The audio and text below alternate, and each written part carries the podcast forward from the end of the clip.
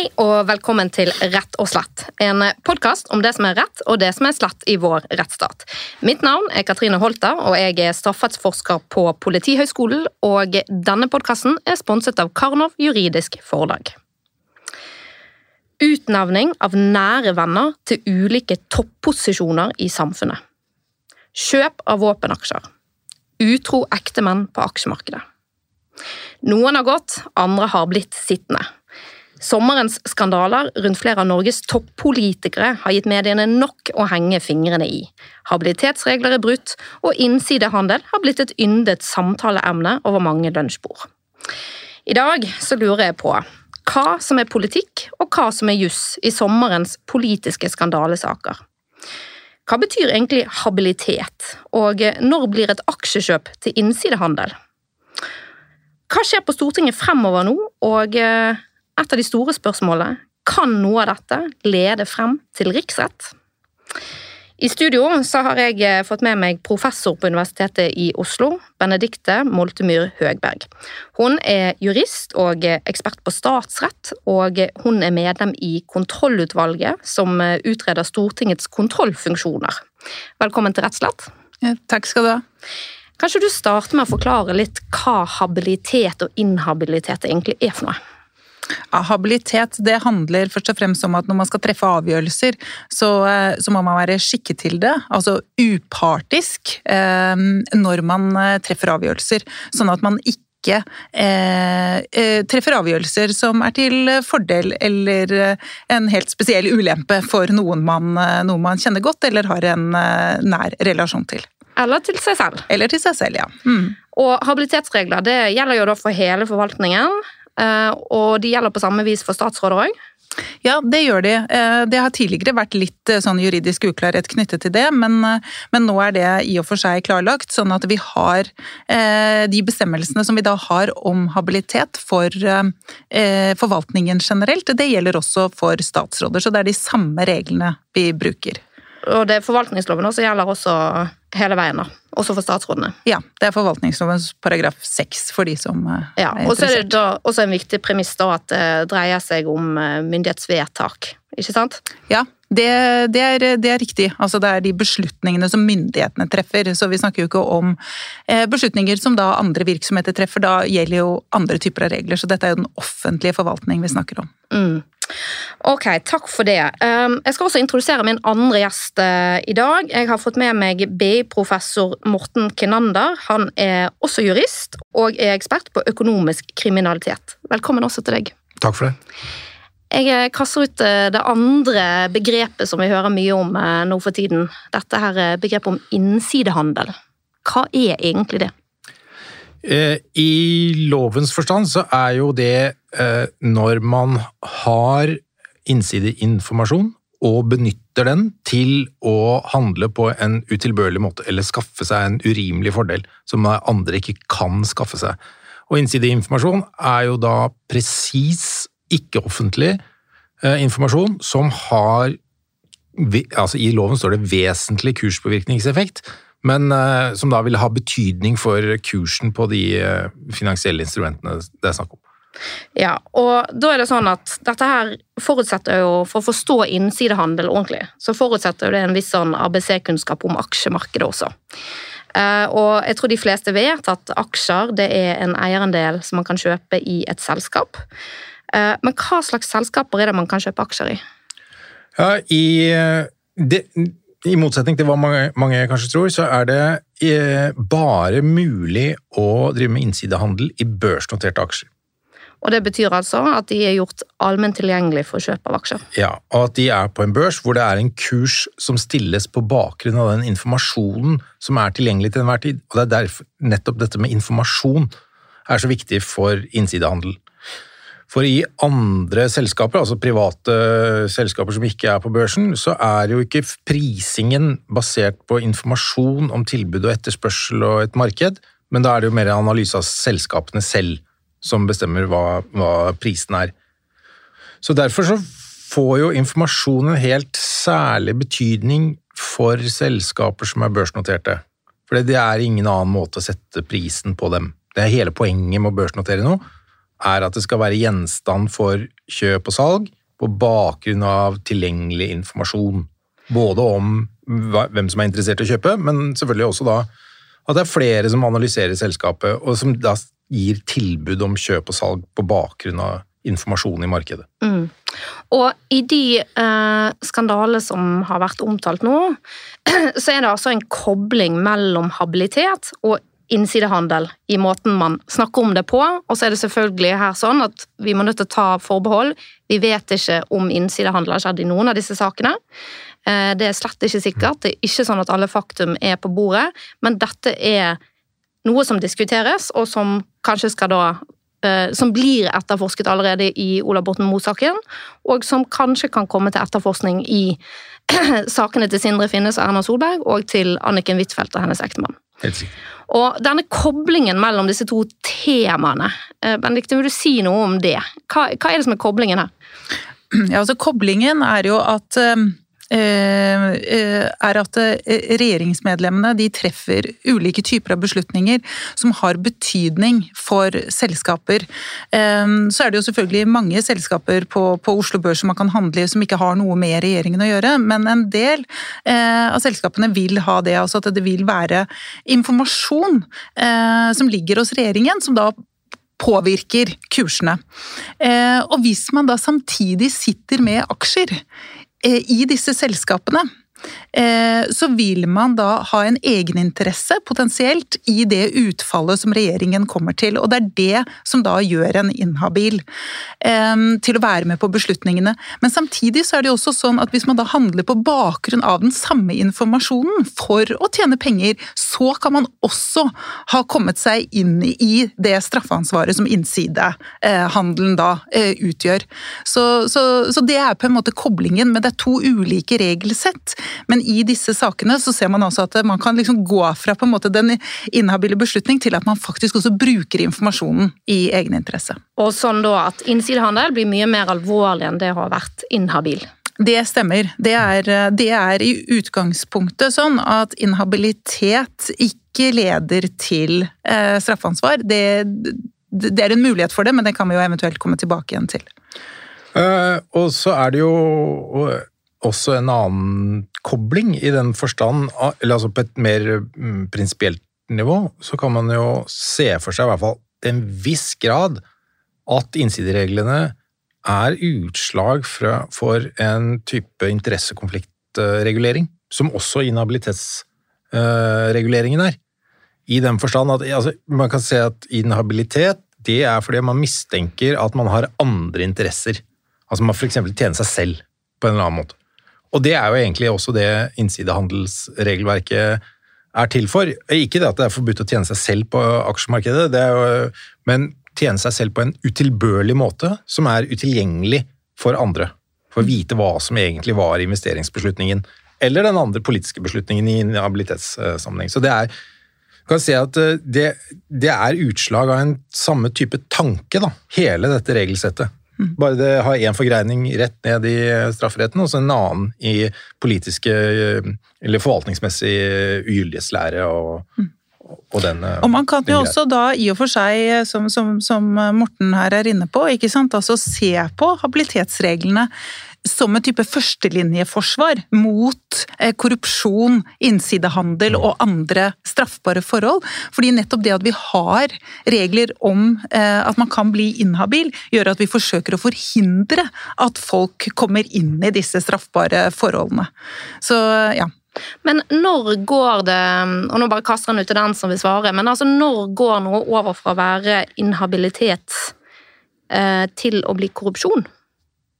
Um, Eh, altså, altså, korrupsjon er en, eh, er en, litt annen forbrytelse eh, enn det eh, innsidehandel er, sånn at vi må også passe på det her.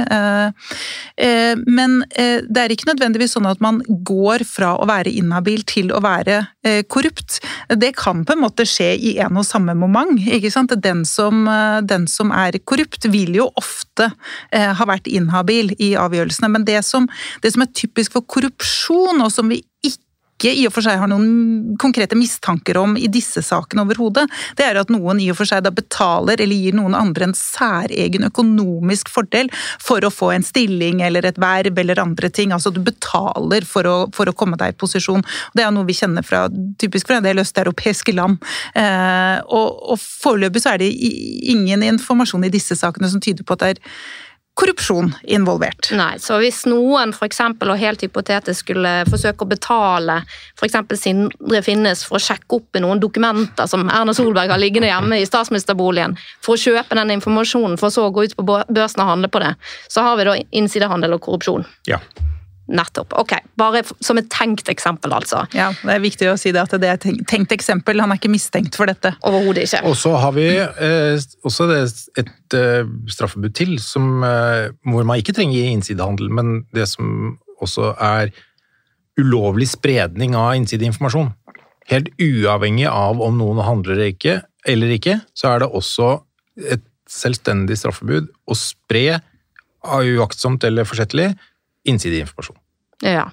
Ok, og hvis vi da eh, holder oss litt til denne saken knyttet til Sindre Finnes og Erna Solberg.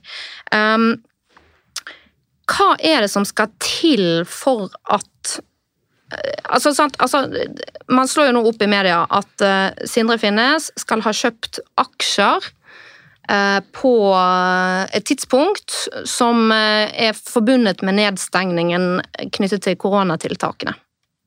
Hva er det som skal til for at det her kan være noe mm, som er problematisk? Ville ikke alle kunne skjønne at nå kommer Norge snart til å stenge ned, siden Danmark hadde gjort det to dager før? Er ikke det en, på en måte en kunnskap som var ganske mm. til, allment tilgjengelig? Jo. jo. Så, så, jeg vil også si det. Jo. Ja, ja. Eh, og det er vel eh, sikkert ikke Jeg har jo ikke sjekket, men jeg ville bare tro at det er flere enn eh, Sindre Finnes som, som tenkte det.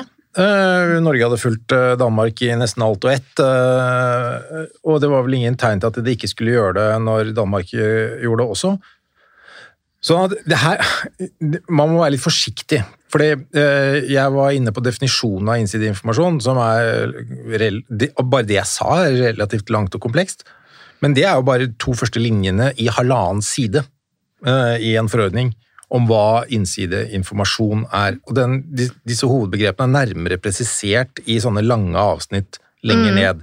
Og Jeg kan jo bare lese opp den eh, markedsmisbruksforordningen som vi da har tatt inn i norsk rett, og der Innsideinformasjon er da definert som spesifikk kunnskap eller viten som ikke er blitt offentliggjort, som direkte eller indirekte angår én eller flere utstedere eller ett eller flere finansielle instrumenter, og som, hvis kunnskapen ble offentliggjort, merkbart ville kunne påvirke kursen på disse finansielle instrumentene eller på de av dette avledede finansielle instrumenter. Så det er ganske tungt språk, da. Og så kan du lese i 7.2 og 7.4 også, som fortsetter eh, da, eh, dette her.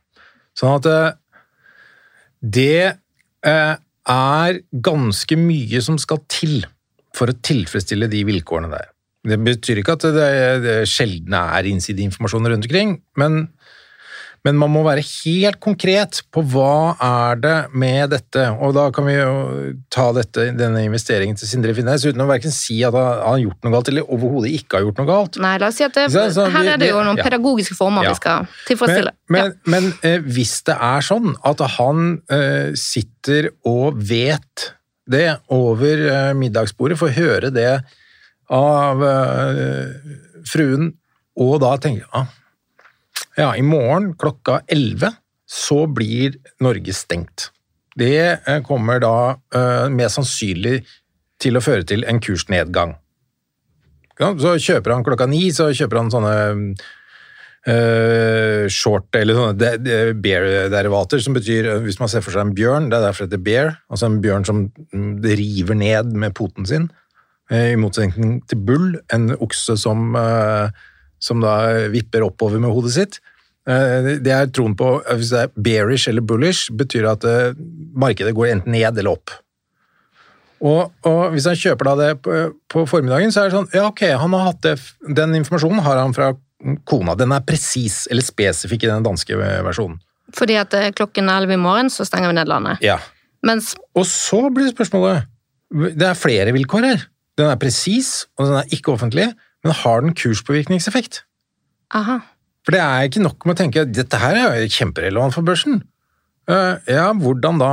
I, i, I den engelske originalen eller så står det 'significant effect on the price'. Altså vesentlig effekt på kursen. Nå har det blitt uh, definert både opp og ned av norske høyesterett. Vi kan se bort fra vesentlig, eller hva betyr det egentlig? Uh, men det er noe spørsmål om er det noe en fornuftig investor vil legge vekt på? Er da presiseringen i senere leddene. Ja, vil en fornuftig investor legge vekt på når det gjelder børsmarkedet, hvorvidt uh, det blir nedstengning eller ikke? Ja, det skulle en jo tro. Men hva var effekten da? Hvordan gikk det med børsen? Ganske opp. Det, på sikt, Hvis du ser på børsen gjennom koronaperioden, så var det det lureste stedet å være i alle investeringer i det hele tatt. De, de som virkelig fikk uh, kjørt seg, det var jo de, de, som ikke er børsnotert, i hvert fall til å begynne med. Altså restauranter og altså, den typen servicetilbud og sånn. Ellers gikk jo Norge, det børsnoterte Norge gikk jo så det grein etter. Så da kan vi hende at ja, det hadde kanskje ikke den kurspåvirkningseffekten som Sindre Finnes tenkte. Men ok, da lurer jeg på noe. Må det ha en Altså, det må ha en reell kurspåvirkningseffekt, eller må det være det at man en fornuftig investor vil anta at det kan ha det? Ja, Det er jo spørsmålet om det er noen forskjell på de to formuleringene. En fornuftig investor vil jo kunne utnytte, eh, eller bare kunne utnytte kurseffekter til å tjene, til å tjene penger. Men så blir spørsmålet det at kursene ikke beveget seg altså Det er her det blir litt komplekst. for det, Du kan ikke bare se på hvorvidt det var en kurseffekt eller ikke, og si her var det ikke innsideinformasjon. Det kan godt hende at ingen utvikling er mye er, uh, ha, betyr kurseffekt, fordi alternativet hadde vært en voldsom nedgang eller en voldsom oppgang. Sånn at eh, det er et annet bilde som man kan utnytte hvis man vet det. Og det andre bildet er ikke bare kursoppgang eller nedgang. Det kan også være ingen utvikling, men det var jo kanskje ikke det i dette tilfellet. Jeg, altså, det, det, her blir, det, er her vi må liksom nærmere inn i eh, sakene for å se dette her, og det gjelder egentlig alle disse sakene her.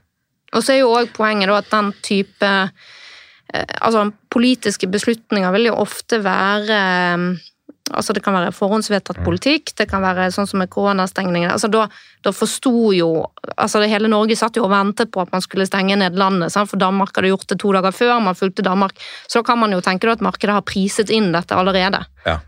Sånn det er ikke så lett å tjene penger på det. Nei. Men så trodde jeg da, bare for å fullføre akkurat dette sporet, da, at eh, det er jo ikke et vilkår for innsidehandel at man tjener penger Nei. på investeringen. Nei, for da er, vi, da er vi vel over i den delen av strafferettslæren som heter utjenlig forsøk. Men akkurat i dette tilfellet så blir det litt, litt vanskelig å drive med utjenlig forsøk på Som da er straffbar i, som hovedregel i norsk Ja, så Hvis du prøver å ta livet av noen, Mm. ikke? Og så ikke det- og så bommer ved å skyte og sånn, så Ja, det er ikke ja, utjenlig, da, men eh, Ja. la oss si at ikke det var ammunisjon i våpenet. Da er det utjenlig. Ja.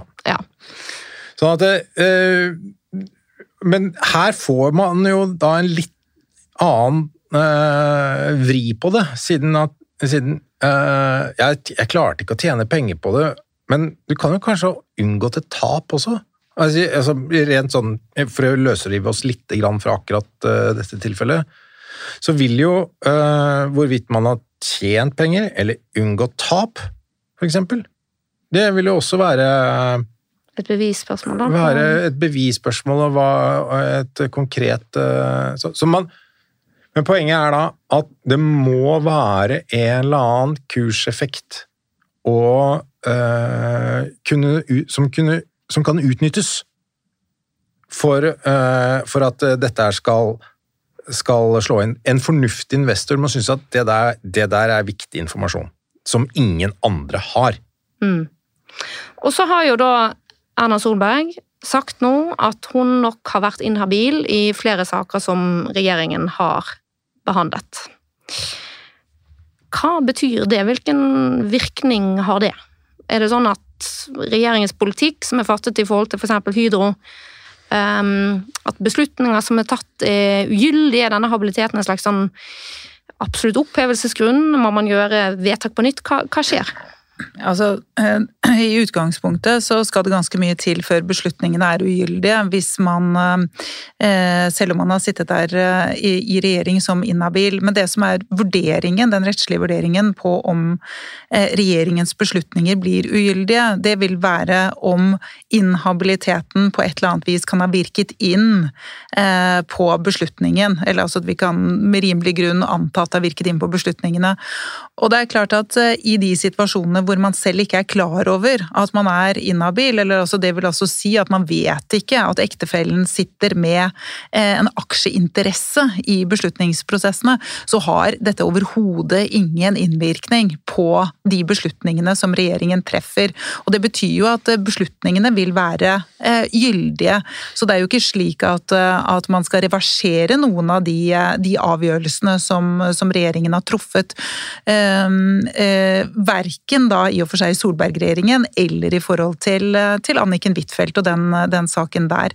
Um, men det forutsetter selvsagt at vi, vi um, legger til grunn da, at ikke de var kjent med hvilke aksjeinvesteringer ektefellene satt på. Så det er på en måte en forutsetning for, for, for det premisset. Så, så beslutningene de blir, de blir, stående. Så der, der, der, har man ikke noen altså, Det er ikke noen reaksjoner i forhold til dette. Så vi kan på en måte fortsatt stole på regjeringens beslutninger, for å si det på den måten. Eh, og så vil jeg også gjerne bare ha en liten kommentar til ehm, til det dere snakket om i forbindelse med koronanedstengningen. Fordi, eh, fordi at det, det, vil jo da kanskje i mye større grad være interessant å knytte da disse inhabilitetsvurderingene med potensiell innsideinformasjon til nettopp beslutninger om eh, Hydro eller annet, eh, andre selskaper, eh, i stedet for akkurat koronanedstengningen. Fordi at det er liksom en det, som, som, allerede er nevnt, og jeg har jobbet mye med i og for seg faktum, så jeg tror også, tror også at Erna Solberg ikke nødvendigvis helt visste at landet skulle stenges ned før de, før de faktisk egentlig stengte landet. Altså, dette er, eh, dette er nok ikke noe hun har sittet og eh, bestemt seg for over middagsbordet med, med ektefellen, men eh, snarere i andre fora. Det er det veldig mye som tyder på. Så jeg tror ikke, tror ikke det kan være noe type innsideinformasjon egentlig også å snakke om der, men, men, men, det kan nok være mer aktuelt i forhold til en del spesifikke selskaper. Men vi har fortsatt for lite informasjon Eh, til å kunne si dette med sikkerhet. Og det gjør jo at det kan være viktig for i og for seg tilliten til politikerne nå at, at Økokrim gjør eh, undersøkelser, sånn at vi får alle disse fakta på bordet, sånn at vi vet litt mer om hva som har skjedd. Til det som du sa der med Eh, et skille mellom kunnskap om noe som konkret angår et aksjeselskap, og så kan man ha kunnskap om noe så generelt som at børsen kanskje vil gå opp eller ned. Eh, er det mulig i det hele tatt å ha innsiden og informasjon om det? Altså om noe som er så generelt, eller må det knytte seg til eh, mer presis informasjon av relevans for et spesifikt selskap. Altså, det er jo disse her eh, produktene du snakket med, Bear-produktene. Da, da, går du inn, og så vedder du mot børsen. ikke sant? Du vedder på at børsen nå skal gå ned, og da vil du mm. kunne vinne tigangen. ikke sant? Mm. Er det, er det innsideinformasjon? Noe så generelt? Det kan være. Ja. Uh, hvis du vet om Hvis du har presis altså Da må man tilbake til definisjonen. Altså, er det presis informasjon som uh, ingen andre har?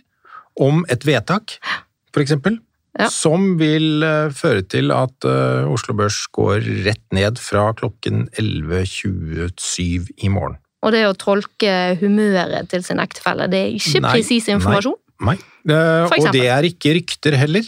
Og det er ikke litt sånn vage 'jeg tror', ja, jeg skulle bli forundret om ikke, og sånne ting. Det er heller ikke presis informasjon. Mm. Ok, og da la oss ta dette her med Økokrim, som du nå lanserte, Benedicte. Altså um, Aller først, hvilke vurdering er det Økokrim må gjøre nå? De skal ta stilling til om det skal åpnes etterforskning. De har sagt ja til det i Ola Borten Moe-saken, og den antar jeg at det er i gang. De sa nei til det i Anniken Huitfeldt-saken, som altså da har en eh, ektemann som har gjort noen aksjekjøp eh, mot hennes eh, råd. Um, og hun sier at hun ikke har visst om det, og blir trodd på det. Og eh, så skal de nå ta stilling til om det skal åpnes etterforskning mot Sindre Finnes for innsidehandel, og eventuelt mot Erna Solberg, fordi det også er straffbart da med grov innsidehandel. ikke sant? Altså grov vakt som innsidehandel. At du visste ikke, men du har vært uforsiktig med opplysninger som er av en innsidehandelkarakter. Um, du Morten, du har jo vært ute og kritisert Økokrim for at de ikke åpnet etterforskning i Anniken Huitfeldt-saken, eller er det en upresis gjengivelse? Det er kanskje det at de har behandlet saken ulikt? Ja. Jeg har jo syntes det har vært rart.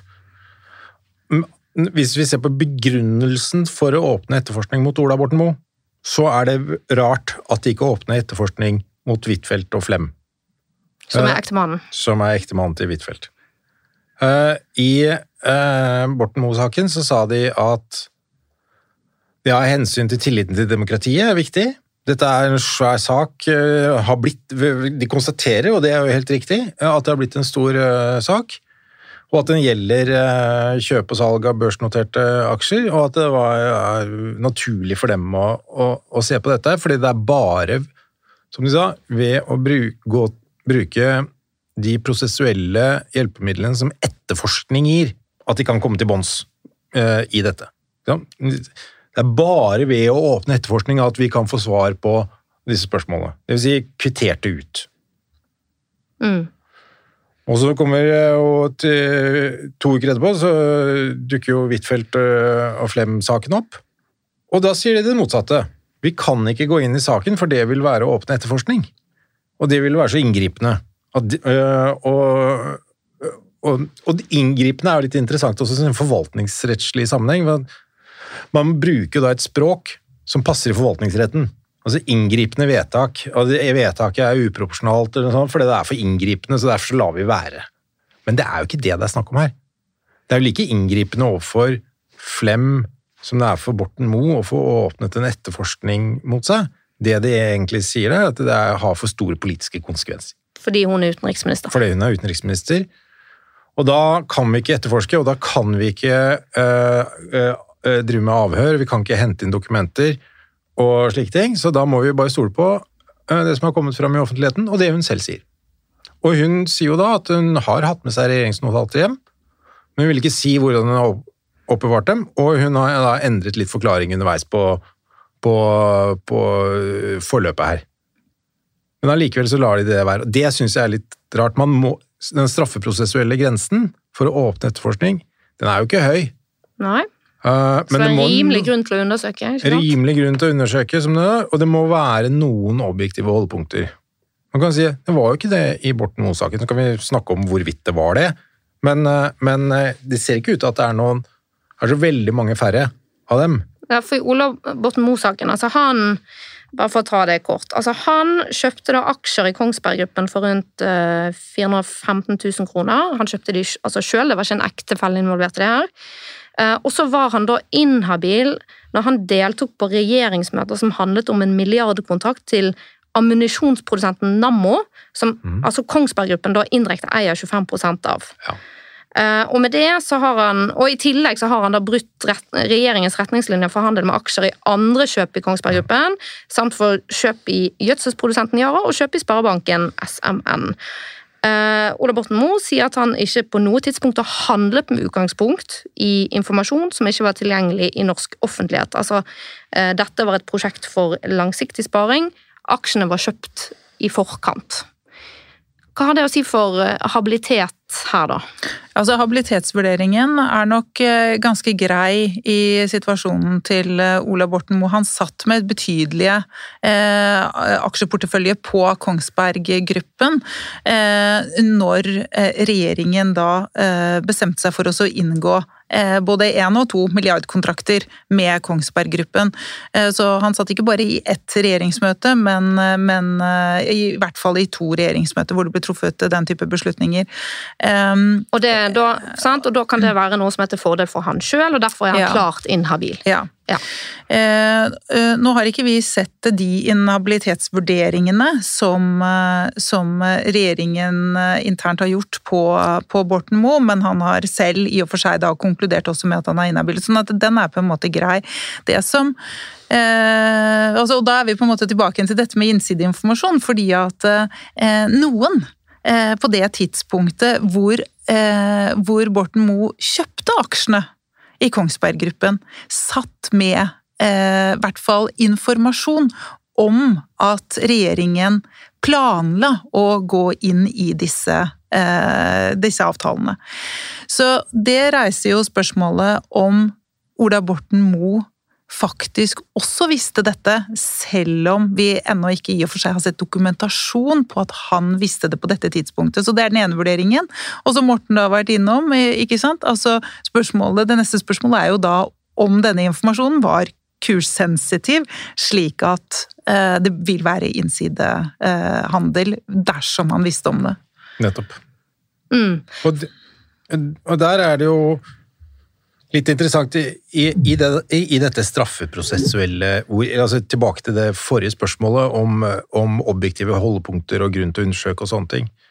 For Der mente jo mange og, og, slik det så ut til å begynne med, så er det sånn Han skal ikke bare fratre, han skal jo i fengsel. Han har jo benyttet sånn. Og så var det sånn Ja, vent, vent nå litt. Uh, måtte jeg også si til meg selv sånn, Ja, hva, hva har egentlig skjedd her? Det er jo, som eh, du var inne på, dette er jo et deleid selskap. Og han har handlet da i Kongsberg Gruppen, delvis mor. Ja, hva, hvordan tenkte mor, dvs. Si Kongsberg Gruppen, om dette, da? Nei, de mente Sendte de noe melding til børsen, som man må, når man sitter på innsideinformasjon? Hvis man ikke får den utsatt? Hva Nei. betyr det? Det må vi også ja. forklare. Innsideinformasjon er et såkalt koblingsbegrep. Det styrer forbudet mot innsidehandel, og så, det, så utløser det listeføringsplikt. Og den som har innsideinformasjon, må bli ført opp en liste som sendes til Finanstilsynet og til børsen, sånn at de kan følge ekstra med. Eh, det, eh, man får masse plikter og, og, og, begrensninger av å ha det, men så utløser Men hvem er mann, mann her? Det, altså, det, er selskaper. Det er ikke sånn at hvis jeg får vite noe som er innsideinformasjon av noen, og ikke handler på det, så har ikke jeg noe plikt til å registrere det noe sted. Så hvis jeg Selv om du ikke er en eneste aksje? Ja. Har ingenting med saken å gjøre. Sånn at hvis, jeg, hvis du eksempel bistår uh, i en prosess med et børsnotert um, foretak. Og så får, sier de til deg du, nå skal vi inn i en svær prosess her, uh, den er sånn og sånn og sånn. Ja, den legger vi til grunn, vil kunne være innsideinformasjonsrelevant. Nå er klokka 13.32, fører opp en liste.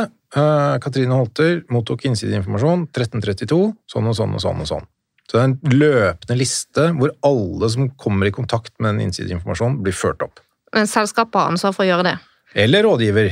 Ja, så det sitter, ikke, det sitter ikke massevis av ektefeller rundt om i Norge som Nei. må nødt til å føre opp ting de fører hjemme. Men det, som, men det som, er men, viktig i den saken her, er jo det at det er, eh, det er, departementet selv, altså Forsvarsdepartementet, har en sånn listeføringsplikt på å sette opp hvem som da mm. har innsideinformasjon, hvis de mener at de jobber med noe hvor det er innsideinformasjon. Og der har det vært litt diskusjoner. Ja. Og og, eh, og, det er jo uh, interessant, for, for det første så førte ikke da Kongsberg Gruppen De tenkte ikke selv at dette var innsideinformasjon. Så de sendte ikke noen melding til børsen eller førte øh, øh, ja, om at de satt på innsideinformasjon om dette her. Eller offentliggjorde denne avtalen som innsideinformasjon. Og Forsvarsdepartementet gjorde opprinnelig heller ikke det. Uh, tenkte heller ikke at dette var forsvars... Nei, innsideinformasjon.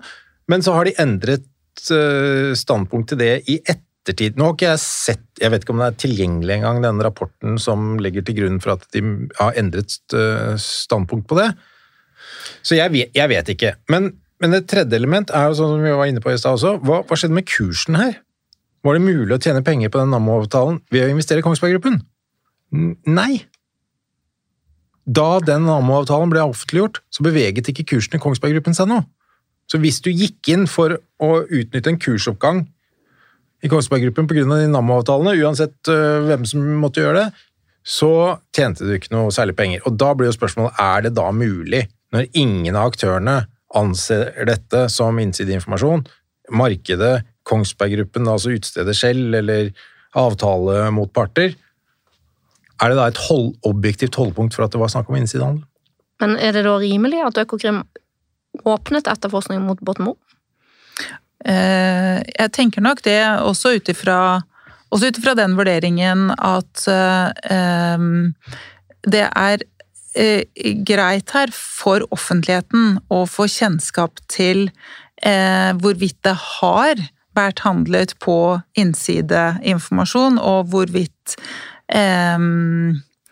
altså, altså, altså hvor, hvorvidt det i og for seg foreligger noe som potensielt kan være straffbart, eh, nettopp fordi det var eh, så eh, nær, nær i tid de beslutningene i regjeringen ble truffet fra da Borten Moe hadde handlet aksjene. Så jeg syns vel at eh, begrunnelsen for Økokrim til å åpne etterforskning i Borten Moe-saken, den står seg avslutning, og de har jo ennå ikke avsluttet etterforskningen heller, og vi vet jo heller ikke om det ligger andre ting i den saken. Ehm, eh, Men jeg er også veldig enig med Morten i at eh, man bør likebehandle disse sakene, fordi at nettopp argumentet om tilliten til vårt demokrati, den, på en måte, den, eh, den gjelder jo også i aller høyeste grad overfor en sittende statsråd og en tidligere statsminister,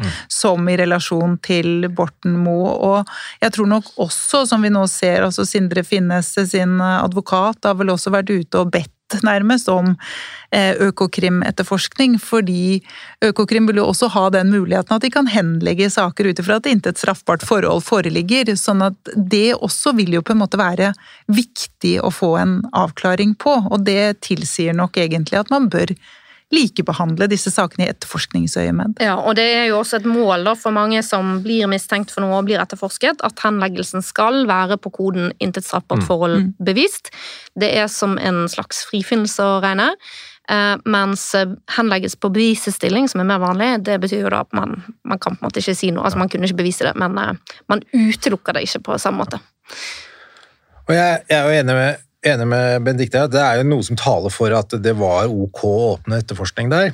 Eh, Men da fanger jo bordet på en måte. Hvis du har brukt da det Hvis du har liksom egentlig lempet litt på de straffeprosessuelle kriteriene fordi saken er så viktig og, og sånn, og har en helt uvanlig politisk eksplosivitet i seg, så er det kanskje ja, ok, det er kanskje greit da å åpne etterforskning men da må du gjøre det på lignende saker. Da må det være grunnlaget. Da, da kan du ikke plutselig ved neste korsvei begynne å ta fram helt den der, det der ordinærjuridiske rammeverket igjen, eh, om at det ikke er noen objektive holdepunkter eller, eh, eller et eller annet.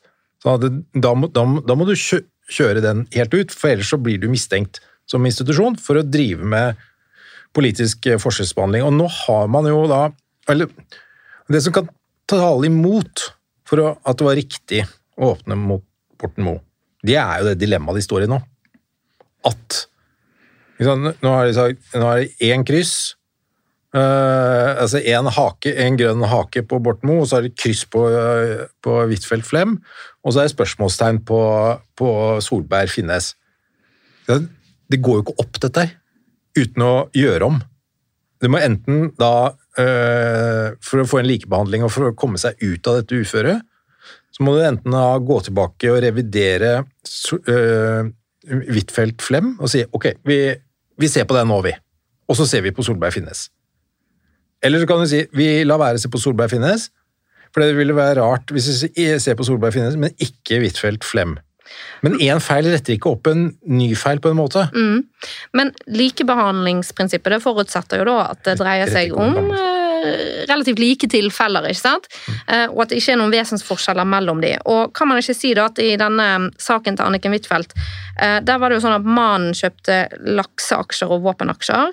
Eh, hun hadde sagt at han ikke skulle gjøre det, og er dermed, har dermed blitt uvitende inhabil. Eh, men så er det dette her likevel, da, at eh, han har kjøpt disse aksjene og gjort det bak hennes rygg, sier hun, eller uten at hun har visst om det, i hvert fall. Og så har jeg forstått det sånn at hans aksjekjøp, altså han Flem, det er gjort basert på sånne tekniske analyser av hva det ville være lurt å investere i. Og ikke det noe litt annet enn det som ser ut til å være tilfellet i de andre sakene? Jo, men eh, etter hva jeg forstår, så Og det er var heller ingen gevinst, så vidt jeg har skjønt. Nei. Uh, ja, det vet vi jo vel ikke ennå helt. Og det får vi vel ikke vite fordi det ikke blir noen etterforskning. Fordi da, da må man se på hvor, altså investert beløp, og det er en sånn mer kompleks sak. Men, men eh, det var vel ikke helt riktig at eh, alt dette her var basert på teknisk analyse. Eh, det var jo det som de sa til å begynne med, men så var jo bare halvparten av disse investeringene som var basert på den tekniske Investec-saken. Men det var også viktig huske, det også viktig å være klar over at det at du baserer på Investec, at du har fått et forutgående eh, teknisk analyseråd på det, og så investerer, det er ikke noe immunitet, det. Altså Hvis du da får vite, eh, får innsideinformasjon, så er det ikke noe at nå kan jeg bare Det her kan jeg jo dure på, for nå har jeg fått et uh, teknisk analyseråd fra en Investec-robot. Sånn at det, Ingenting er jo smartere enn å på en måte kommunen har et straffansvar for å sitte på innsideinformasjon, enn at du samtidig hekter det på et ja. råd ikke sant, som, som dukker opp, og så kan man skyve det foran seg. Sånn at, eh, så det hadde vært nyttig med, med en type etterforskning på, på, på også Mm. den eh, saken, bare sånn eh, for å eventuelt legge den død, eh, hvis, eh, hvis eh, man tenker at eh, det ikke er noe straffbare forhold der. Og så er det jo da ikke bare forsettlig innsidehandel, den som gjør det med viten og vilje, som kan straffes, men også den som har vært grovt uaktsom, altså som er grovt å klandre for å ha delt innsideinformasjon. Eh, og er det sånn at eh, det vil være rimelig å åpne etterforskning for grov uaktsomhet overfor eh, disse ektefellene, altså statsrådene, Huitfeldt og Erna Solberg når hun var statsråd, får informasjon delt med oss, Eller ikke delt. Ja, altså Det er i hvert fall et rettsgrunnlag som er relevant, øh, vil jeg si. Så det, en ting er, Man kan jo tenke medvirkning til innsidehandel, og ja, vet vi egentlig om det har vært innsidehandel? I habilitetsspørsmålet så er jo da spredning av innsideinformasjon også, også relevant. Ja, og, og der var det jo sånn et spørsmål om hva er det de visste? Huitfeldt og Solberg. Nei, de visste ingenting om hva de drev med, disse ektemennene. Overhodet ikke. Men og, og i Huitfeldt Flem-saken så var jo også det med, i habilitetssaken eh, fremholdt da som en sånn styrke. Det var vanntett til skott og ante ikke Nei, men Så det betyr jo at statsrådene har bodd sammen med daytradere som de ikke visste at var daytradere. Og det har jo en betydning for den aktsomhetsstandarden. Kan du også bare kort forklare hva en daytrader er? Det er jo et eh, uttrykk som mange kanskje har blitt kjent med for første gang disse, den siste uken nå. Det er jo ikke noe konkret definisjon av en daytrader, men det er jo noen som veldig ofte kjøper og selger aksjer, altså i løpet av en dag. Og sitter da og bytter posisjoner intradag, som man sier, eh, eh, som veldig få profesjonelle investorer gjør. Fordi det er vanskelig å tjene penger på den. Veldig, veldig vanskelig. Og over tid, så i hvert fall ifølge lærebøkene og forskning, så skal det ikke være mulig å vinne på det. Med mindre du har privilegert eh, kunnskap. Er det sånn at Sindre Finnes har tjent penger på daytrading? Det vet vi jo ikke, da. Fordi vi, vi, vi har ikke Det er umulig å si. Ja, han, han oppgir et beløp. 1,8 millioner, har jeg hørt. Men eh, vi vet jo ikke hva han har gått inn med. Har han gått inn med eh, en milliard og sitter igjen med 1,8 millioner, så har han jo tapt grassat. Har han gått inn med én krone, så har det jo vært et eventyr. Og så tror jeg det er mange som tenker at uh, hvis, disse, altså hvis Sindre og Erna har felles økonomi, så må jo hun ha merket at disse pengene har kommet inn. Eller gått ut. Ja, Men så er det jo dette med at det ikke nødvendigvis man, at man tar ut de pengene. Eller at man fører det inn i privatøkonomien. altså Man kan ha det stående på egne Ja. kontoer som ikke nødvendigvis ektefelle har tilgang til. Mm. Ja. Ok, Um, greit. Jeg tror vi skal gå litt videre til disse her um... Men så, Ja. er, så er det jo også i, I denne sammenheng så, så er det jo Så må man jo da også se på hva er det vedkommende har sagt ellers. Så jo, vi har jo sett dette klippet hvor han sitter på Arendalsuka og snakker om at han øh, var så glad i å spekulere i aksjer. Og hva Hvordan skal man tolke det? Altså, Har ikke det vært sånn at uh... det kanskje ikke har vært helt hemmelig overfor verken Arendalspublikum eller konen at han har har vært glad i å kjøpe og selge aksjer. Men har ikke det også, ikke det også et vesentlig poeng at det var lov å kjøpe og selge aksjer? Så det er først Men han skulle melde det inn, var ikke det sånn? Ja. Og så har ikke han meldt inn alt. Ja, det, det er jo Det er det jo litt tvil om. Er det slik at han ikke har meldt inn alt, eller har han meldt inn alt Mm. allikevel? Og, ja, det var tidlig ute, så var det sånn, han var jo null hvert eh, rapporteringstidspunkt. Uh, og så var det masse bevegelser mellom der, så, som en indikasjon på at ing, ingen kunne vite. Men det er vel heller ikke helt riktig, etter hva jeg har skjønt. da. Men nå beveger vi oss langt inn i Men, eh, ja, det som, men det som i og for seg er interessant eh, i den sammenhengen, er jo at eh, disse rapporteringene som da Statsministerens kontor, SMK, gjerne ville ha, var jo altså da en oversikt over hans aksjekjøp, sånn at de kan, kunne gjøre habilitetsvurderinger knyttet til statsministeren. Det vi vet, det er at det er gjort noen habilitetsvurderinger på statsminister Erna Solberg eh, på statsministerens kontor tilknyttet aksjekjøpene til Sindre Finnes, men de dokumentene de er hemmeligholdt. De har ikke pressen fått innsyn i. Eh, Og det er jo også da vurdert altså, av enkelte partier på Stortinget om å be om å få ut de habilitetsvurderingene. Og de kan være interessante, og de kan også være helt uinteressante for så vidt, men de kan være interessante fordi de vil jo synliggjøre hva i hvert fall statsministerens kontor visste på ulike tidspunkter eh, om aksjekjøpene til Sindre Finnes. Og det, her er vi jo inne på et ganske sentralt uh, poeng. Hvordan har det stått til med dette regelverket? Og hvordan har det stått til med behandlingen av denne informasjonen? Ikke innsideinformasjonen, men av transaksjonsinformasjonen til statsrådene og statssekretærene og, og deres på, uh, altså, uh, nærmeste nærstående. Mm. Det, og det så man jo tidlig i Ola Borten Moe. Han hadde jo rapportert helt riktig, han. Eh, han hadde ikke, han hadde, alle investeringene sine, etter hva jeg har skjønt, eh, med, for, med det store forbeholdet, har vært relativt uh, ryddig håndtert av ham. Ja, fordi det er jo sånn at det finnes en sånn politisk håndbok, ikke sant? Som eh, gir noen regler som gjelder. Hva, er statusen til denne politiske håndboken? Den politiske håndboken har ikke noen eh, sånn juridisk status, i den forstand at, eh, at det å bryte den kan få noen rettslige konsekvenser. Det er mer det at det får politiske konsekvenser. De gir uttrykk for et type tillitsforhold eh, mellom i og for seg statsråd og statsminister. Eh, kan mer se på som en sånn intern, eh, intern eh, på en måte Regler for god skikk, liksom? ja, regler for god skikk på huset, ikke sant. Eh, og der er jo den og der, og der eh, er det jo uttrykt at man skal være ekstremt varsom med eh, aksjehandel, nettopp fordi at man kunne komme, eller kan komme i eh, habilitetssituasjoner eller i situasjoner med innsideinformasjon og annet. Sånn at det er jo mer som en sånn sånt forsøk på å forhindre at man kommer i, eh, i, den, i disse situasjonene som vi nå ser. Det som det som på en måte er litt viktig egentlig å få brakt på det rene etter hvert nå, når vi ser at det er flere som har den type aksjekjøp, eh, og som da setter regjeringsmedlemmer og regjeringen i vanskelige situasjoner habilitetsmessig, det er jo om dette er mye mer utbredt. Altså om vi bare ser toppen av isfjellet.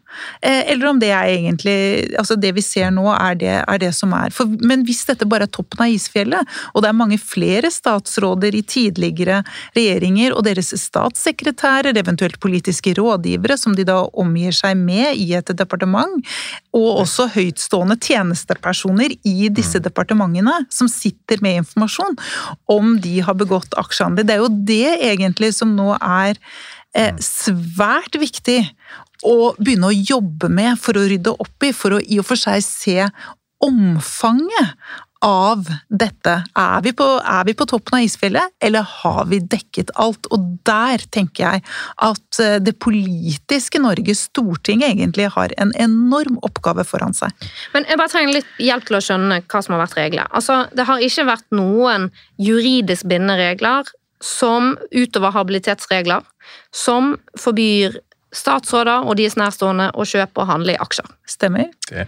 Så har du en politisk håndbok som sier at det er god bruk og skikk og forventet av deg politisk sett at eh, du skal være forsiktig når du handler og kjøper i aksjer, men det er tillatt.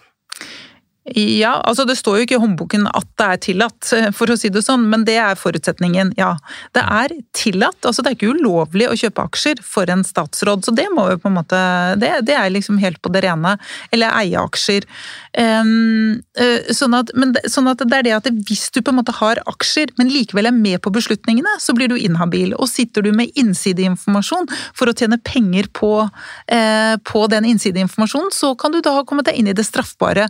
Så poenget med disse retningslinjene, da, husreglene, for å si det på den måten, er jo å prøve å forhindre at man da får statsråder og regjeringsmedlemmer eh, i situasjoner hvor man da bryter habilitetsreglene, eller bryter da med straffelovens regler om innsideinformasjon. Ja. Så det er sånn føre var-regler, eh, egentlig. Og da er spørsmålet trenger vi et lovregelverk som er bindende, rettslig bindende, og som er forbudt å bryte, som sier det at statsråder og deres nærstående får ikke lov til å kjøpe aksjer enten i det hele tatt, eller at de må gjøre det gjennom sånne fond der, man, eh, der risikoen fordeles ut altså på masse ja, Forklar hva et fond er, kanskje.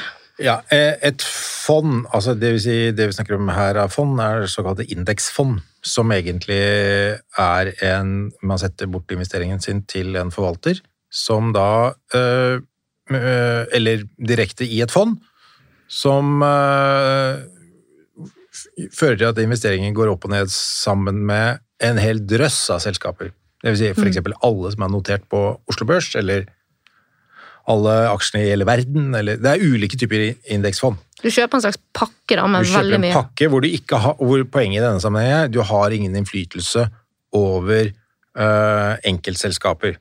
Så, at, og da vil jo interessene til den enkelte politiker, hvis du kjøper da norske aksjer, eller norsk aksjefond, være sammenfallende med eh, det offentlige Norges, eller vår alles interesse. Vi vil at det skal gå bra med Norge. Det går bra med Norge når det går bra med norske børsnoterte selskaper, og da går det også bra for eh, den enkelte statsråd som jobber for at det går bedre for Norge. Så da er, er, alle fornøyde. Da blir det penger i, på konto til statsråden, som har da den investeringen, og så blir det penger på konto for uh, resten av oss. Men det er lite problem der, at den norske børsen består av sånn stort sett tre selskaper. Vi er litt tilbake til, eh, til den eh, prinsipielle eh, prinsipielle problematiske, nemlig at hvis du da har masse penger i aksjefond, eller norske, norske aksjefond, så vil en opphaussing av Equinor, veldig gunstige beslutninger på Equinors vegne, være da også gunstig for deg. For det er Equinor, Telenor, Eh, og DNB, som stort sett dominerer Oslo. Men, men det, det, nå begynner vi å gå langt ned i, i, det konkrete, men poenget er at du skal da sette bort investeringen din, slik at du ikke selv sitter og lurer på er det lurt å selge og kjøpe. For det krever masse tid. Trenger vi sånne regler som sier det? At det er kun indeksfond eh, politikere kan få lov til å kjøpe i, og eventuelt kun indeksfond som har med utenlandske aktører? Jeg tror i hvert fall at hvis vi skal eh, inn med et type forbud mot aksjehandel, så må vi nok nyansere noe mer enn bare, bare det at man sier at det kun er tillatt med, med med fondsinvesteringer. Noen, noen, er jo eh, eiere eh, fra før i eh, børsnoterte selskaper og har sittet med, sittet med aksjer, sikkert i familien, i lang tid. Men det er jo mulig at man da bør ha regler om frys, f.eks. At man da ikke kan, så lenge man er i en statsrådsposisjon eller statssekretær eller lignende, at man da ikke kan selge dem. Eller, ja. Så jeg vil ikke ta noe endelig, endelig for seg stilling til liksom akkurat hvordan man bør utforme reglene, men jeg tror nok at svaret på spørsmålet ditt er at ja, vi bør nok inn med lovregulering på dette feltet, eh, men kanskje ikke akkurat slik at man bare setter et, altså et absolutt forbud mot aksjehandel, men at vi regulerer det nærmere og, og legger det på en måte innunder hva skal vi si, juridiske rammer i stedet for disse mer løse husordensreglene som er i dag. Og, og som Benedicte er inne på, det, øh, og det som ligger i, i, det vi snakker om også, det, det, holder jo da ikke å gjøre som det, som gjør, det man gjør nå. Å legge på en side eller to eller tre etter hvert som skandalen skrider fram. Forrige uke, eller for to uker siden, så kom jo Støre med det ytterligere regler i håndboka. Nå i går, forrige så var det jo da noe i forbindelse med valg, eller statsbudsjettene og alt sånt, som, som, som, er en sånn veldig reaktiv måte å forholde seg til et regelsett. Det blir jo ikke konsistent og godt, med mindre det utredes. og det med hva skal til for Vi må ha unntak. Uh, hva, når skal vi få unntak? Hvem skal gi unntaket? hvor, hva er den sånn personelle eh, her? Hvor mange skal vi skal ta med ekspedisjonssjefer? Skal vi ta med liksom ambassaderåder og deppråder og, og, alt sånt? Hvor går grensa? Hvem skal med, og hva har de, og, og alt det der? Hensiktsmessigheten av dette må jo da uh, reguleres, eller uh, utarbeides vi trenger på en helt annen måte. å få nedsatt et lovutvalg rett og slett til å utrede et forslag. Ja, Én ting er kanskje et lovutvalg for dette med aksjehandel, eh, men, eh, men, jeg vil også i og for seg si meg helt enig i det Morten sier her, at det hjelper ikke nå om man får tre eller fem eller 15 sider mer i denne håndboken. Eh, fordi at når det gjelder særlig spørsmål knyttet til habilitet, så er jo dette noe som er regulert i, i forvaltningsloven, som vi var innom tidligere i sendingen. Og, de, og det regelverket der, der er det jo mange avgjørelser avgjørelser i og for seg, eller, altså, eller vurderinger som er gjort på statsrådshabilitet, som ligger i Lovavdelingen i Justisdepartementet. Sånn at hvis man da bare har en, eh, hva skal vi si, en, altså at man er synlig i forhold til, eh, til, at dette er en utfordring, dette med eh, habilitetsregelverket. Og hvis man da er i tvil om man er habil eller ikke, så må man be om å få det vurdert av juridisk ekspertise. Dette er ikke så veldig vanskelig. Jeg vil bare da, bare da peke på at det som er litt interessant med alle disse habilitetssakene til statsrådene nå, det er at det utelukkende er i saken, så vidt jeg ser, har sett, om Anniken Huitfeldt, hvor man da eh, i Utenriksdepartementet veldig bra ba om å få en vurdering fra Lovavdelingen i Justisdepartementet, slik at vi har fått en offentlig og god vurdering knyttet til habiliteten til Anniken Huitfeldt. Det er veldig fortjenestefullt at Utenriksdepartementet gjorde det, mens vi da, mens vi da for de andre statsrådene så er det altså hemmelige habilitetsvurderinger. Eh, og det er jo på en måte i seg selv ikke egnet til å skape tillit der ute, at man har hemmelige habilitetsvurderinger. Så jeg tenker det er et eller annet med kulturen som, eh, som, man da har i, i relasjon til, eh, til, vurderinger på habilitet. Eh, Morten nevnte også dette med at, at, at man eh, ikke nødvendigvis da på en måte egentlig kanskje helt har forstått habilitetsreglene heller, når man begynner å tenke at man skal etablere vanntette skott mellom seg selv og ektefellene. Eh, det er på en måte en konstruksjon som habilitetsreglene ikke kjenner. Eh, fordi at det er jo en Her skal det gjøres vurderinger av om om det objektivt sett utenfra kan synes Om det er noe som kan svekke tilliten til deg. Og det å på en måte bare svare ut at ja, men jeg vet ikke hva ektefellen driver med, det er på en måte ikke et holdbart juridisk resonnement. Eh, sånn at eh, jeg tror nok at her må, eh, her må statsrådene på, på, mye bedre opplæring i habilitetsreglene, altså. Og det, ja, jeg, jeg er enig i det der, og det er kanskje ikke bare statsrådene som må på opplæring her heller, for vi, har jo hatt et regelverk som har medført en, en rapportering. Jeg var, jeg var, inne på at Borten Moe rapporterte dette. Men det har jo vært rapportering inn i et sort hull. Det har jo ikke vært noe Det er jo ikke noe offentlighet uh, rundt det, men det har heller ikke vært noe um, noe internt i, i byråkratiet som har fanget opp liksom sånn jeg, Du har masse, masse det... aksjer her, du skal jo ikke det møtet, du. Nei, og han har rapportert til, eh, han rapportert til Stortinget på den listen der. Og stortingslisten over aksjekjøp de kommuniserer ikke med regjeringen. Nei. Sånn at det er et eller annet her med hele systemet. Ja, så man må få bygget et bedre og tryggere ja. system rundt ja. det òg, så det er ikke nok å bare lage et forbud. Så man har terskler for rapportering som har vært uh, helt uh, Som, som vitner om at man ikke egentlig skjønner hva det er snakk om. Ja. Fordi mm. man har hatt på så store grenser. Altså, du, du, altså på 3 Eh, av et børsnotert selskap. Hvis du kommer over det, så må du rapportere litt oftere. Mm. Men ja. det, er jo, de er jo røkkenivåer, altså. Men uh, dette er litt interessant, for, for, hva er det som skal til liksom, for inhabilitetsspørsmålet, da? Er det sånn at hvis man eier én aksje i Kongsberg Gruppen som koster jeg tror de koster noe rundt 450 kroner for én aksje, du kan kanskje tjene maks et par tusen kroner på det. Er det nok for at man er inhabil i saker som angår Kongsberg Gruppen? Nei, normalt ikke. Eh, eh, altså den vurderingen som man gjør i forhold til eh, habilitet eller inhabilitet, den gjør man egentlig helt konkret fra sak til sak. Og, det, og beløpende størrelse vil spille inn i den vurderingen.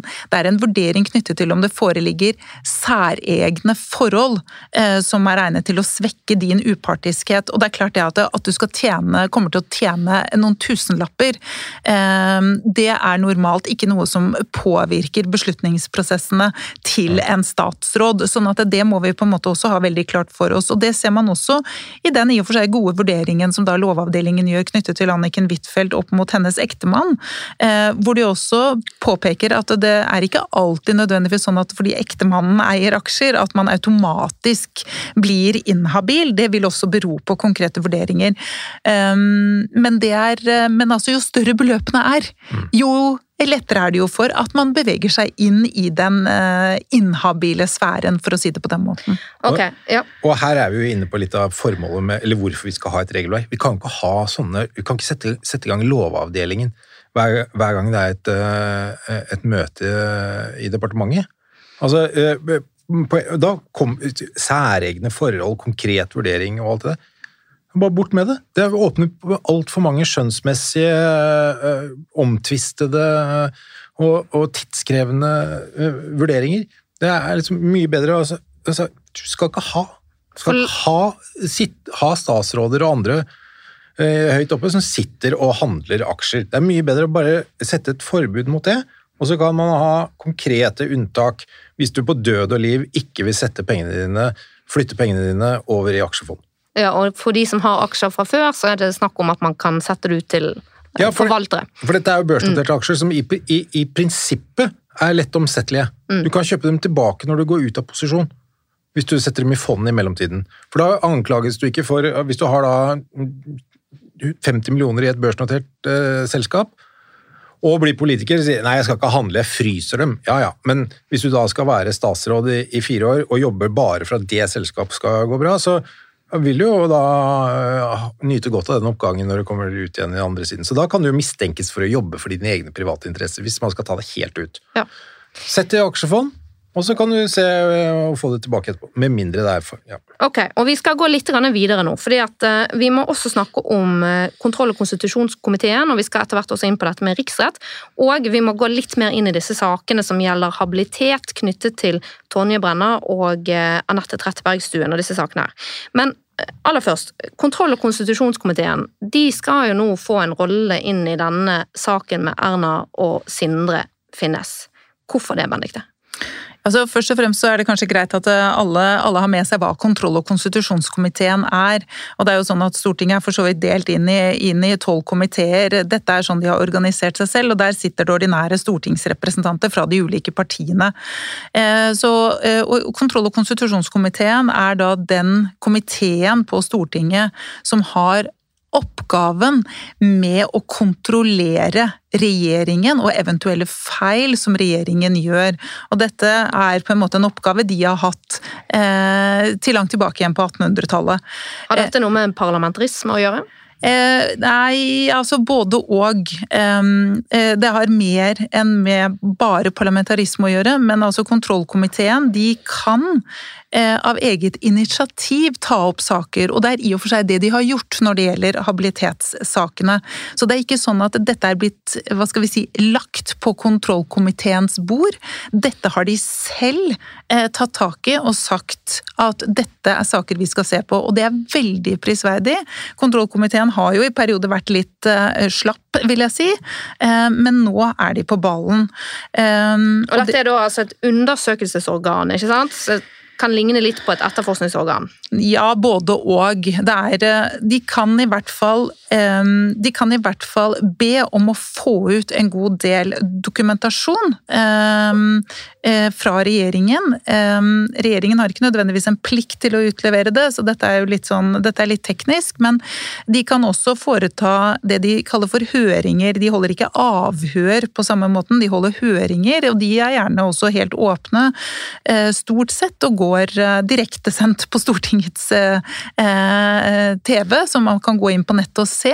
Og de har varslet denne type kontrollhøringer i november for å få kartlagt nærmere hva som er fakta når det gjelder de forskjellige habilitetssakene vi nå har. Helt fra Brenna, Trettebergstuen, Borten Moe, Huitfeldt.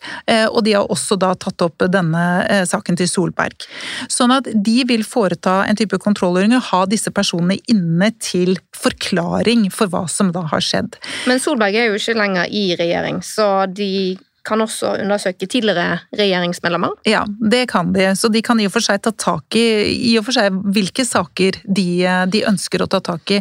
Så, og det som, det som, er kontrollkomiteens eh, oppgave, det er jo i og for seg da også kartlegge om det er noe de ønsker å kritisere regjeringen for, eh, om det er eh, noe de mener at altså noen har begått hva skal vi si, ting i statsrådsposisjon hvor hvor de da ønsker at statsrådene eventuelt skal gå av.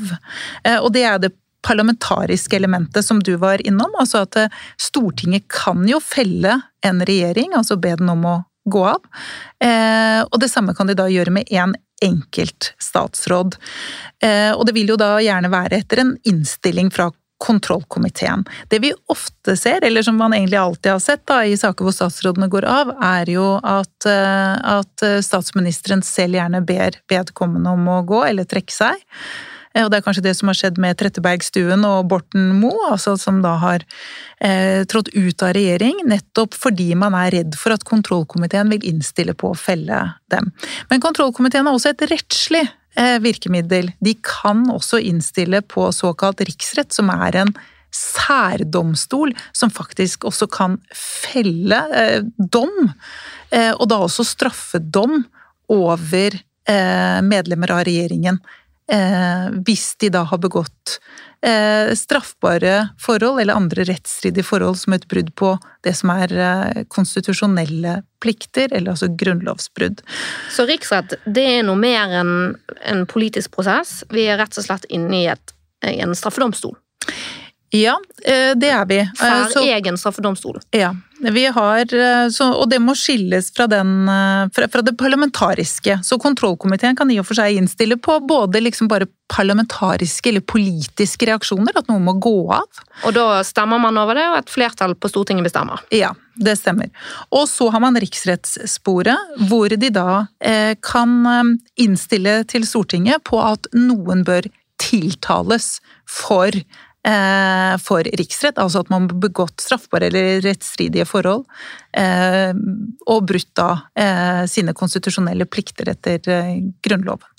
Ja, og vi må snakke litt om hva konstitusjonelle plikter er for noe, men bare hvem er det som kan tiltales her? Er det politikere, er det dommere, er det Det er de som kan tiltales for riksrett, det er de personene som da eh, eh, representerer de tre statsmaktene. Vi har en maktfordeling i Norge som man har i veldig mange land, så vi har tre statsmakter, og det er da altså stortingsrepresentantene, og så er det regjeringsmedlemmer, og så er det høyesterettsdommere. Og de personene, det er de som også da risikerer å få et ansvar og en dom i riksretten. Um, ingen andre. mm.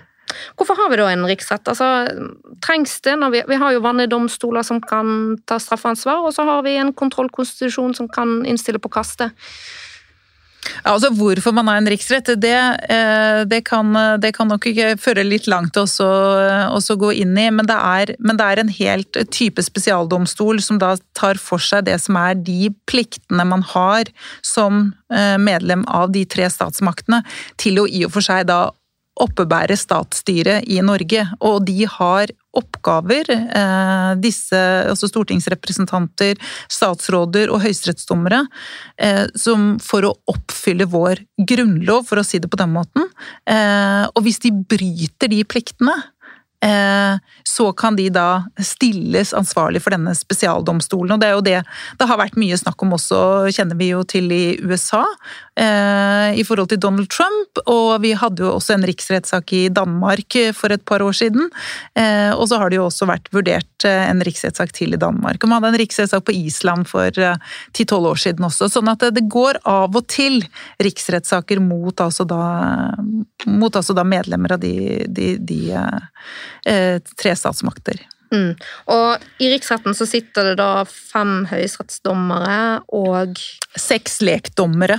Eh, sånn at lekfolk er overrepresentert. Eller altså ikke overrepresentert på den måten, men altså de har flertall da, inni, inni riksretten. Men, eh, men, det er også da høyesterettsdommere som sitter der med dem. Men jeg vil jo da understreke at vi har ikke hatt noen riksrettssak i Norge på nesten 100 år. Um, siste saken var, gikk i overgangen 1926 til 1927, sånn at uh, det er lenge siden. Men Kings Bay-sakene?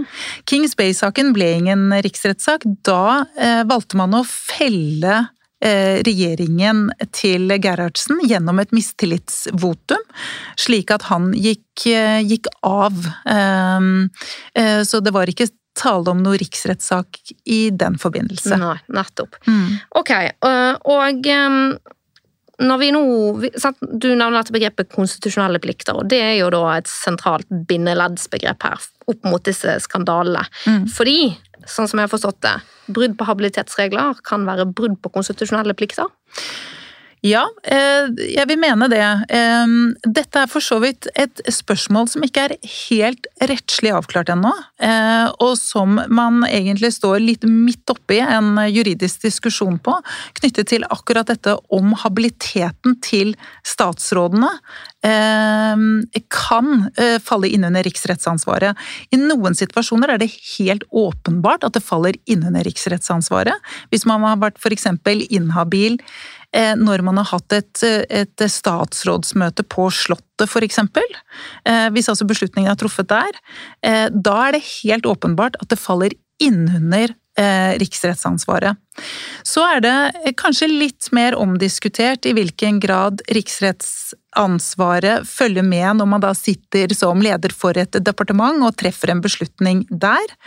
Eh, jeg vil mene at det ansvaret det følger fortsatt med inn i, riks, eh, i riksretten der, og det er det en gammel tradisjon for. Man ser tilbake igjen på, på eh, det som den tidligere kontrollkomiteen også har uttalt langt tilbake på 1800-tallet, at de skriver at det er åpenbart at det å være inhabil når man treffer avgjørelser, kan falle innunder eh, riksrettsansvaret.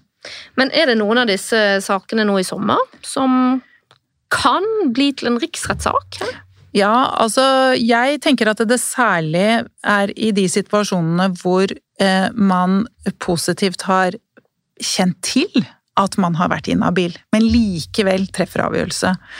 Og sånn som altså I forhold til det, de fakta vi har på bordet så langt, så er jo den saken til Anette Trettebergstuen, den, eh, den ser ikke så fin ut. Eh, for der er det jo slik at eh, embetsverket synes å ha gjort henne oppmerksom på at hun var inhabil. Og så har hun da likevel gått videre med sakene.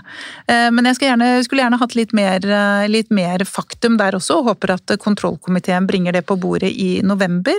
Men det å på en måte ha kjennskap til at man er inhabil, og så ikke bry seg om det, Eh, da har man gått ganske langt i å misligholde sine plikter som statsråd i en regjering. Ja, og da kan vi ta, bare helt kort oppsummere Tonje Brenna-saken og Anette Trettebergstuen-saken, sånn som vi kjenner den, sånn som den er opplyst per i dag gjennom media. Og da med alle mulige forbehold, selvfølgelig. Men sånn som det er opplyst, så har altså Tonje Brenna hun har utnevnt venner til ulike posisjoner mens hun var kunnskapsminister, og det er hun jo fortsatt, hun har blitt sittende. Um, men man kommer til at hun var ikke inhabil juridisk sett, for det skal ganske mye til før man blir inhabil pga. vennskap, og det her var ikke nære nok relasjoner. Eh, I Anette Trettebergstuen-saken så var det snakk om nærere vennskap, og det er vel også grunnen til det, i kombinasjon med at hun da, som du sier, synes å ha blitt varslet om denne mulige inhabiliteten fra embetsverk, som gjør at hun da endte opp med å trekke seg som kultur- og likestillingsminister. Mm. Ja, og det stemmer jo også. Når man da går inn i det som er regelverket på habilitet, så er det et vilkår der for at man skal bli inhabil, at det er snakk om en nær personlig eh, relasjon. Det er jo ikke sånn at bare fordi man kjenner hverandre i dette landet, så blir man inhabil. Eh, sånn at det kreves på en måte at det er en nær personlig relasjon som gjør at man i og for seg omgås.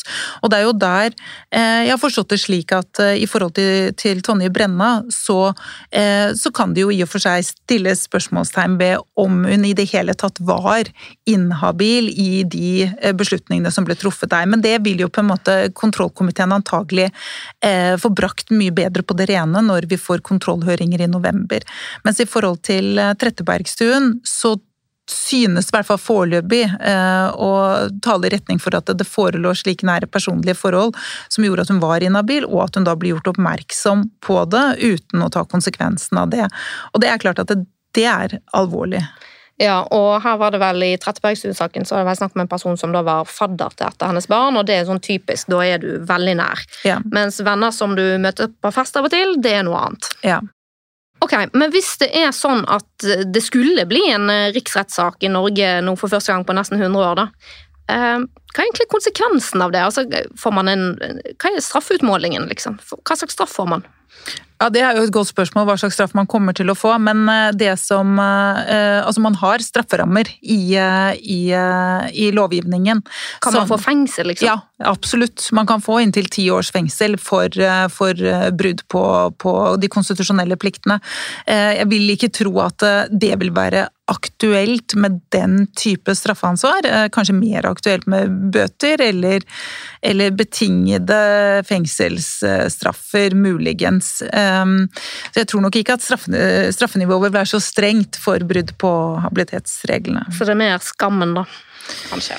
Ja, for å i og for seg statuere at dette er ikke lovlig tenker jeg. Og det kan være viktig i seg selv å få det, eh, få det avklart. Ja. Uh, innsidehandel. Ja. Hvis man blir dømt for å ha handlet på innsideinformasjon, hva er straffenivået der? Uh, straffenivåene og formene er jo ganske dramatiske. Eh, Høyesterett har sagt at det som den en klare hovedregel, som har egentlig vært ufravikelig, så skal det straffes med ubetinget fengsel. Ja, da, eh, Og ubetinget betyr at man må sone? Må inn og sone. Ikke fotlenke, ikke husarrest, men inn og sone. Det betyr jo at man ser på dette som alvorlig, da? Hvorfor, det? Hvorfor er dette så skadelig? Man mener at det er et angrep på økonomien og på fellesskapet, men, men, det er jo på markedsmanipulasjon så har man ment at det er behov for administrative reaksjoner, men man har ment at i, for innsidehandel så skal det ikke det bare være straffesporet. Skal, eh, det er i seg selv en type forbrytelse som ikke fortjener en kun en administrativ uh, forfølging. Da... Det vil si, det vil si eh, bot, eh, overtredelsesgebyr, kun inndragning, eh, denne typen ting. Så da mener man at all overtredelse er så alvorlig at vi må sende deg i fengsel. Hvorfor det? Hva, hvorfor er det så mye mer alvorlig enn markedsmanipulasjon, og hva er det? Markedsmanipulasjon? Det er når du direkte tuller med prisen ved å gi feil informasjon. Du driver ikke nødvendigvis og handler, men du, men du lurer markedet, da. Uh, enten ved type handler, men også med informasjon. Ja. Um, men, um, men det er litt interessant det der i Norge, for det, og innsidehandel Vi er det eneste landet i Europa som bare har straffesporet kombinert med ubetinget fengsel. Sånn at i en, noen i Norge har ment at det er noen særlige vilkår eller særlige omstendigheter i Norge som gjør at vi må, reagere, vi må være strengest. Mm.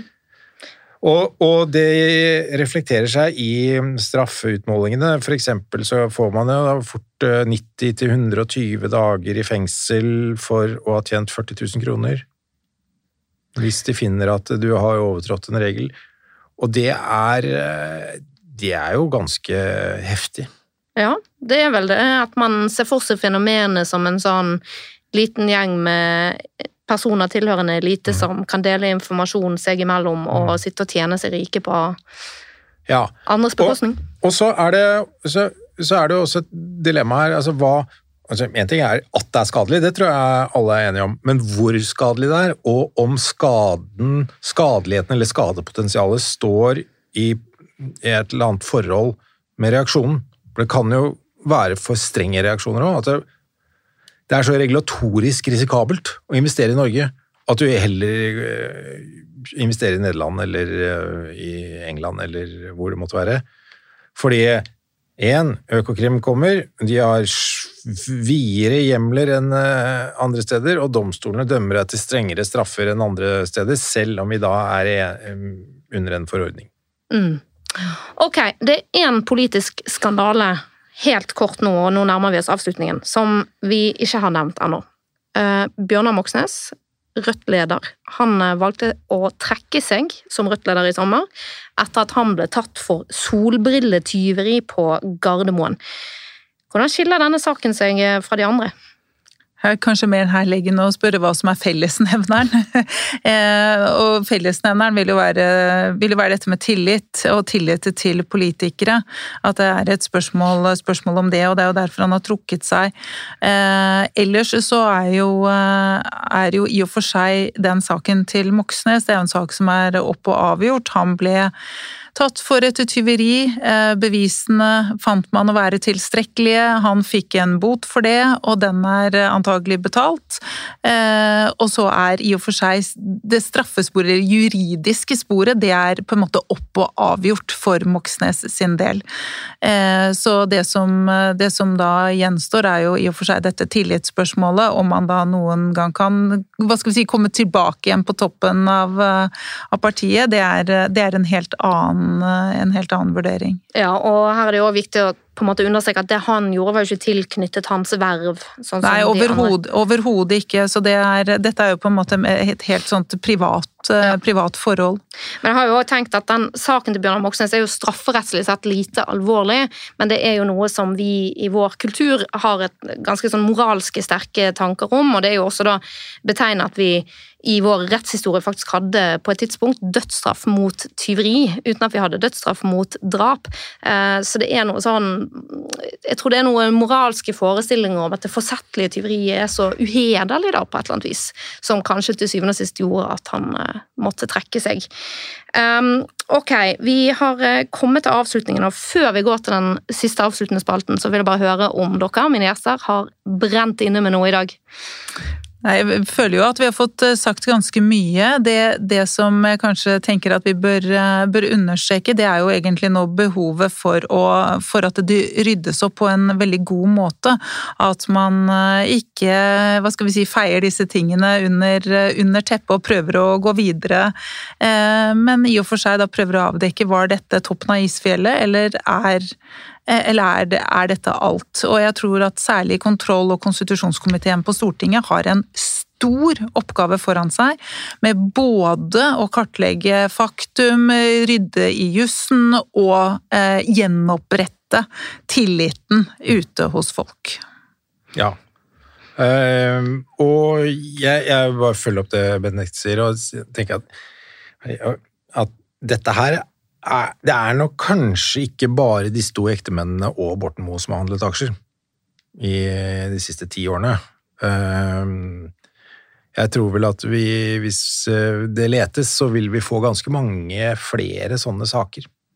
Fordi vi har hatt det regelverket vi har hatt. og Vi har hatt den lave bevisstheten vi har hatt, mhm. tydeligvis, i, både i forvaltning og fra statsministerens kontor og, og det, på departementsnivå, på statsrådsnivå og på nærstående nivå. Ja. Så det virker som de ikke har egentlig forholdt seg til problematikken, eh, verken i en eh, sånn strafferettslig forstand eh, i tilstrekkelig grad, eller en inhabilitetsforstand. Har ikke skjønt hvor eksplosivt Nei. dette er. Dette er jeg veldig enig i, og de har åpenbart hatt elendige rutiner for å, eh, for å, prøve å forhindre slike situasjoner. Ok, Da er vi da. kommet til eh, den avsluttende spalten, der eh, mine gjester får lov til å fremheve noe som de synes er rett eller slett i vår rettsstat. Og Jeg tror vi skal prøve å holde det ganske kort, for denne episoden har nå blitt veldig lang. Men, og man må velge rett eller slett. Og da, Morten, kan du få begynne. jeg mener vel at vi har, vi har for unyanserte regler for reaksjonen mot innsidehandel. Eh, og jeg vil fremheve noe som jeg syns er rett eller bra. Eh, og det er at vi har en uavhengig påtalemyndighet. Eh, og jeg tenker at det er veldig viktig å hegne om den. Ikke alle har det. Og jeg tror at gir vi påtalemyndigheten litt tid til å summe seg, så tror jeg nok at de lander på beina. Det gjelder altså da Økokrim og Riksadvokaten. Takk for det. Eh, det var det som jeg hadde for denne gang. Takk til gjestene her i studio, og eh, takk som alltid til dere som hører på. Eh, denne episoden kommer jo ut litt tidligere nå, fordi at dette er et så brennhett tema at det blir vanskelig å vente helt til onsdagen før jeg publiserer episoden. Men det betyr at neste episode kommer da først om ikke neste onsdag, men onsdagen etter der igjen. Så da høres vi igjen da, på gjenhør.